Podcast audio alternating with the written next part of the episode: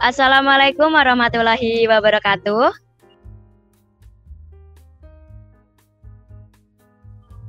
Selamat malam. Halo Sobat FTP, selamat malam kita berjumpa di FTP Podcast episode 7. Dalam 30 menit ke depan, saya Dini Dwi akan memandu malam Senin kalian melalui ruang FTP Podcast yang dapat disaksikan nantinya secara langsung atau live streaming di YouTube ataupun Spotify di BEM Fakultas Teknologi Pertanian Universitas Jember. Oh ya, malam ini kita kedatangan tamu yang sangat luar biasa dan yang sangat hebat. Orang jauh loh teman-teman. Beliau ini alumni dari universitas yang ada di negeri bunga sakura.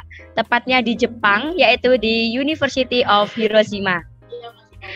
Sebenarnya beliau bukan orang jauh kok teman-teman, melainkan alumni dari Fakultas Teknologi Pertanian Universitas Jember. Beri tepuk tangan semua untuk kita semua. Baik, langsung saja nih. Mari kita sapa tamu spesial kita. Halo Kak Aisyah Humairo. Halo Mbak Dwi dan teman-teman FTP semuanya. Selamat malam. Selamat malam Kak Aisyah. Bagaimana nih Kak kabarnya untuk hari ini? Alhamdulillah, baik luar biasa. Alhamdulillah kalau begitu Kak. Oh ya Kak, keseharian Kak Aisyah pada saat ini ini apa nih Kak? Kalau boleh kita tahu nih Kak.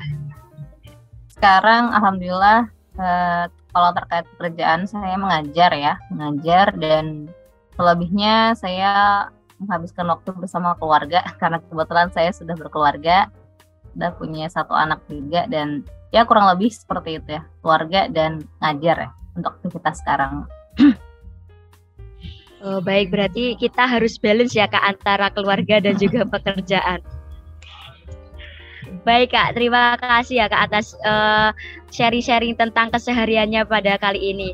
Oh ya, kita kembali pada Sobat FTP Podcast. Kali ini Kak Aisyah didatangkan untuk menginspirasi kita semua nih teman-teman. Dan untuk gunanya itu menjawab segala pertanyaan yang ada di benak kita semua tentang All About Magister at Japan. Baik, tanpa kita basa-basi nih teman-teman, mari kita langsung sharing-sharing dengan Kak Aisyah terkait bagaimana sih Kak Aisyah bisa uh, menjalankan S2-nya di Jepang. Baik Kak, uh, untuk pertanyaannya menjadi salah satu alumni nih Kak yang melanjutkan S2. Kak Aisyah ini melanjutkan S2-nya ini di universitas mana ya Kak? Oke, uh, sebelumnya Uh, terima kasih ya teman-teman dari BMTP atas uh, kesempatannya untuk sharing di podcast kali ini.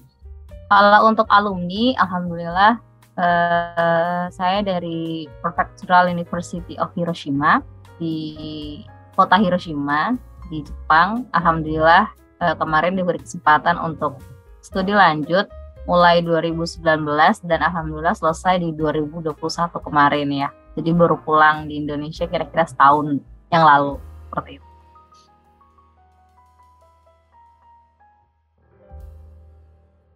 Oh begitu ya kak. Kalau boleh saya tahu nih kak, apakah kak Aisyah ini menjadi salah satu pemegang mahasiswa uh, mahasiswa beasiswa nih kak pada saat kita memasuki mendaftar atau memasuki di University of Hiroshima. Nah kalau iya kita bisa bisa tidak kak kalau untuk sharing-sharing bagaimana sih cara mendapatkan beasiswanya begitu kak?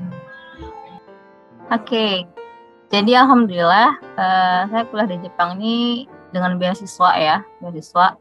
Uh, meskipun beasiswanya secara parsial ya kan, beasiswa ada yang full funded dan ada yang partial funded. Jadi uh, saya dapatnya partial funded, tapi alhamdulillah uh, sudah bisa mengcover ya untuk kehidupan saya selama di Jepang seperti itu. Dan bisa banget ya kalau teman-teman uh, adik-adik sekalian yang pengen apply juga ya itu masih sangat-sangat besar kemungkinannya untuk teman-teman bisa apply juga.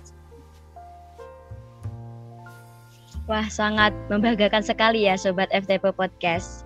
Nah, oh iya Kak, bagaimana kakak ini uh, selama di Jepang itu melakukan riset apa saja Kak? Atau belajar pada bidang apa saja nih? Oke, okay. jadi kebetulan ya ketika S1 ya, jadi Uh, saya tadi belum kenalan ya dari angkatan berapa ya. Nah, jadi saya dari angkatan 2013, jauh banget ya.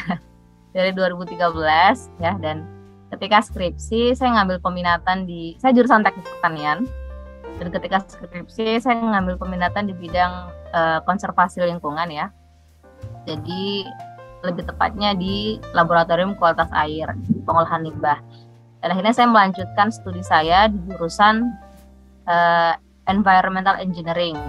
Jadi teknik lingkungan lah bahasa Indonesia-nya teknik lingkungan di Jepang.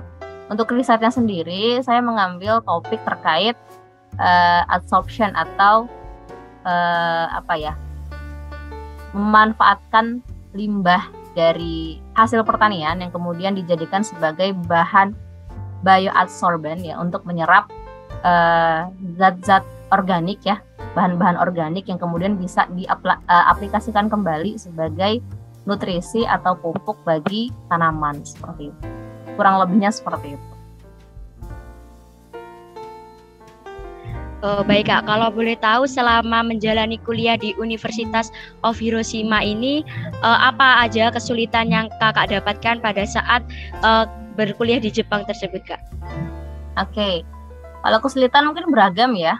Uh, saya membagi antara akademik dan non akademik ya. Kalau akademik ini mungkin terkait ini ya, karena memang kita semua paham kalau Jepang itu negara maju ya. Ada banyak sekali peralatan-peralatan canggih ya yang, yang kita tuh belum pernah ketemu sebelumnya gitu. Jadi uh, butuh waktu untuk kemudian bisa belajar lagi gitu kan bagaimana mengoperasikan alat, kemudian bagaimana mencoba metode-metode baru gitu. Itu butuh waktu belajar seperti itu karena uh, kita yang dari negara berkembang ini harus anu, punya effort yang lebih ya untuk kemudian bisa mengimbangi uh, kualitas pendidikan dari negara-negara maju seperti Jepang contohnya. Nah kalau terkait non akademik ya uh, mungkin terkendala bahasa ya bahasa terutama karena uh, eh, FYI sebagian besar orang Jepang tuh kan kurang bisa bahasa Inggris hanya beberapa orang saja mungkin kayak seperti supervisor kita atau mungkin teman-teman laboratorium kita yang mungkin punya kemampuan lebih untuk berkomunikasi dengan bahasa Inggris lebihnya rata-rata mereka pakai bahasa Jepang gitu jadi kesulitan bahasa itu cukup uh, menjadi challenge tersendiri ya bagi saya. Oke baik kak. Uh, menurut kak Aisyah sendiri nih yang sudah melakukan riset-riset tersebut, sudah mempelajari materi-materi tersebut, uh, menurut Kak Aisyah prospek kerjanya itu seperti apa ya Kak? Dari di bidang apa terjunnya nantinya? Oke, jadi kalau terkait prospek kerja sebenarnya macam-macam ya kalau uh, utamanya di bidang lingkungan ya hmm, utamanya bisa jadi kalau terkait pendidikan bisa jadi dosen bisa gitu. Tapi kalau misalnya teman-teman pengen terjun di industri itu juga bisa gitu bisa contoh jadi uh, quality control di bidang pengolahan limbah tertentu itu juga bisa kemudian kalau misalnya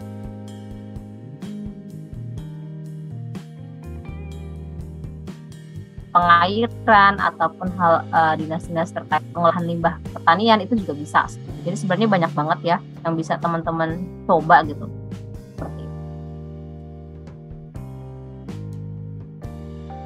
Oh baik kak.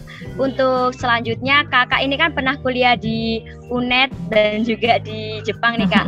Nah menurut kak Aisyah sendiri perbedaan apa yang sangat signifikan nih kak dari kedua universitas tersebut? uh, gimana ya bilangnya sebenarnya kita nggak boleh membandingkan ya nggak boleh membandingin ya karena kita kan punya apa ya privilege-nya masing-masing seperti itu ya punya kelebihannya masing-masing. Tapi kalau misalnya diminta untuk memberi gambaran ya saya saya bilangnya memberi gambaran. Kalau misalnya di Jepang karena memang mereka negara maju dan kita harus paham itu gitu. Uh, akses dari uh, akses akses uh, apa sih referensi kemudian akses, akses peralatan itu lebih mudah. Ya jadi standar standar setiap setiap universitas itu mudah. Misal contoh kalau di Indonesia kita mau riset sesuatu nggak ada alatnya nih. Jadi kita harus ke universitas lain atau kita harus ke lembaga lain. Tapi kalau di Jepang uh, standar dari tiap universitas tuh harus ada peralatan ini ABC ABC dan dan sekian itu harus ada. Jadi uh, tidak susah kita untuk uh, apa istilahnya untuk riset kemudian untuk nyari referensi itu lebih mudah gitu untuk kemudian kita peroleh seperti itu. Terus kemudian yang paling signifikan ini sebenarnya saya berbicara uh, gambaran umum ya gambaran umum. Artinya pendidikan di Indonesia dan di negara lain seperti itu. Yang diutamakan adalah bagaimana pendidikan karakter sebenarnya. Karena kalau di Jepang itu meskipun sekalian sepintar apa pun, tapi kalau attitude kalian tidak baik gitu kan, maka sama aja kalian tuh nol gitu. Jadi harus sekalipun kita punya prestasi yang tinggi, tapi kalau misalnya kita tidak bisa me memberikan sikap yang baik ya kepada sesama, maka kita nggak ada harganya seperti itu. Itu sih yang paling penting ya saya ingat. Baik Kak Aisyah. Uh, untuk pertanyaan yang selanjutnya nih Kak, adakah pengalaman berharga nih Kak menurut Kak Aisyah pada saat Kak Aisyah ini belajar S2 di Jepang dan juga uh, bagaimana sih Kak baik yang akademik maupun personal ini misal kayak kita itu ketemu orang baik di Jepang ataupun kita itu kayak dibantu waktu di Jepang itu uh, pengalaman yang tidak bisa dilupakan oleh Kak Aisyah sendiri itu bagaimana Kak? Oke, kalau ditanya pengalaman ya, ada banyak banget ya. Ada banyak sekali. Ya wajar lah ya. Kita mungkin sebagian besar dari kita punya cita-cita untuk keluar negeri. Itu itu wajar banget. Dan ketika cita-cita kita itu tercapai pasti ada rasa haru bahagia dan tidak bisa kita lupakan selamanya seperti itu. Gitu juga dengan saya. E, mungkin yang paling saya ingat kalau terkait dengan akademik ya e, saya diberikan kesempatan untuk part time ngambil part time job jadi e, di salah satu sekolah di Jepang ya. Saat itu uh, dan di mana saat itu saya belum bisa bahasa Jepang sama sekali belum bisa. Kemudian uh, banyak interaksi dengan mereka gitu kan banyak interaksi dengan mereka. Akhirnya saat itu bisa untuk kemudian improve kemampuan bahasa Jepang bisa berkomunikasi dengan mereka gitu kan. Karena orang-orang Jepang itu pemalu ya mereka tuh pemalu. Kalau mau bicara dengan orang lain itu pemalu karena mereka merasa tidak pede dengan bahasa gitu. Jadi mau nggak mau kita sebagai orang asing yang harus belajar bahasa mereka seperti itu. Jadi uh, kalau misalnya ditanya pesan dan pesan ya terkait orang-orang Jepang, mereka baik banget. Terutama uh, supervisor saya ya. saya baru pertama kali ada satu momen ya yang paling saya ingat. Uh, saya pernah diajak oleh rektor rektor universitas di universitas saya di Jepang untuk pergi ke suatu tempat gitu. Jadi kebetulan saya suka satu tokoh anime. Kalau pakai anime saya suka banget gitu. Terus kemudian beliau mengajak saya untuk pergi ke suatu tempat di mana saya bisa uh, istilahnya bisa untuk menyaksikan uh, tokoh tersebut secara real gitu. Maksudnya dari dari dari apa namanya dari tokoh yang saya yang saya yang saya favoritkan itu saya bisa melihat atau menyaksikan proses pembuatan uh, manga ya kalau kita bilang manga komik ya komiknya anime tersebut secara langsung seperti itu. Dan beliau rektor ter, apa rektor tersebut umurnya 85 tahun ya sekitar 80-an tahun. Dan saya harus menempuh perjalanan saya bersama beliau harus menempuh perjalanan sekitar kurang lebih empat jam berarti kalau PP sekitar 8 jam dan beliau sendiri yang menyetiri mobil. Dan itu pertama pengalaman yang menurut saya tidak bisa saya lupakan ya karena jarang banget gitu ada seorang profesor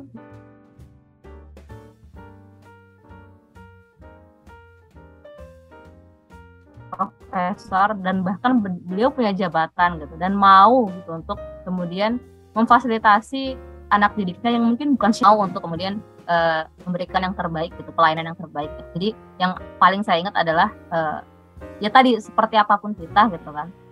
Tetap humble sama orang gitu. Tinggi apa pun pendidikan kita setinggi apa pun prestasi kita jangan tetap jangan dilupakan ya terkait attitude dan sikap kita ya terhadap orang lain seperti itu. Itu sih yang paling diingat Wah, saya yang mendengarnya langsung kayak berkesan begitu gitu Kak Aisyah. Nah, itu berarti Kak Aisyah ini uh, lang uh, cara pertama untuk belajar bahasa Jepang itu melalui part time tersebut ya, Kak? Iya, kurang lebih seperti itu. Jadi sebelumnya juga pernah ngambil kelas bahasa Jepang di ketika sampai di Jepang tuh pernah ngambil kelas bahasa Jepang. Tapi kemudian uh, skill itu lebih terimprove ketika kita apply ya ketika aplikasikan langsung seperti itu. Gitu Mbak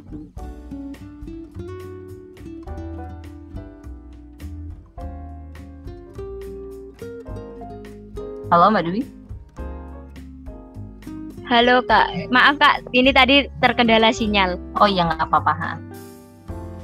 Uh, baik kak, terima kasih ya kak. Itu adalah uh, obrolan terakhir kita nih kak tentang untuk sharing-sharing pada S2 tadi. Uh, baik, terima kasih ya kak. Nah itu dia obrolan kita sobat FTP podcast. Dan nah obrolan kita itu tadi itu dengan kak Aisyah itu membahas terkait hal terkait hal apa saja yang telah didapatkan Kak Aisyah pada saat menempuh S2-nya di University of Hiroshima. Nah, seru nggak teman-teman? Pastinya seru dong. Dari obrolan kali ini, hal-hal yang dapat kita pelajari adalah Kak Aisyah ini merupakan uh, alumni dari University of Hiroshima yang mengambil jurusan teknik lingkungan.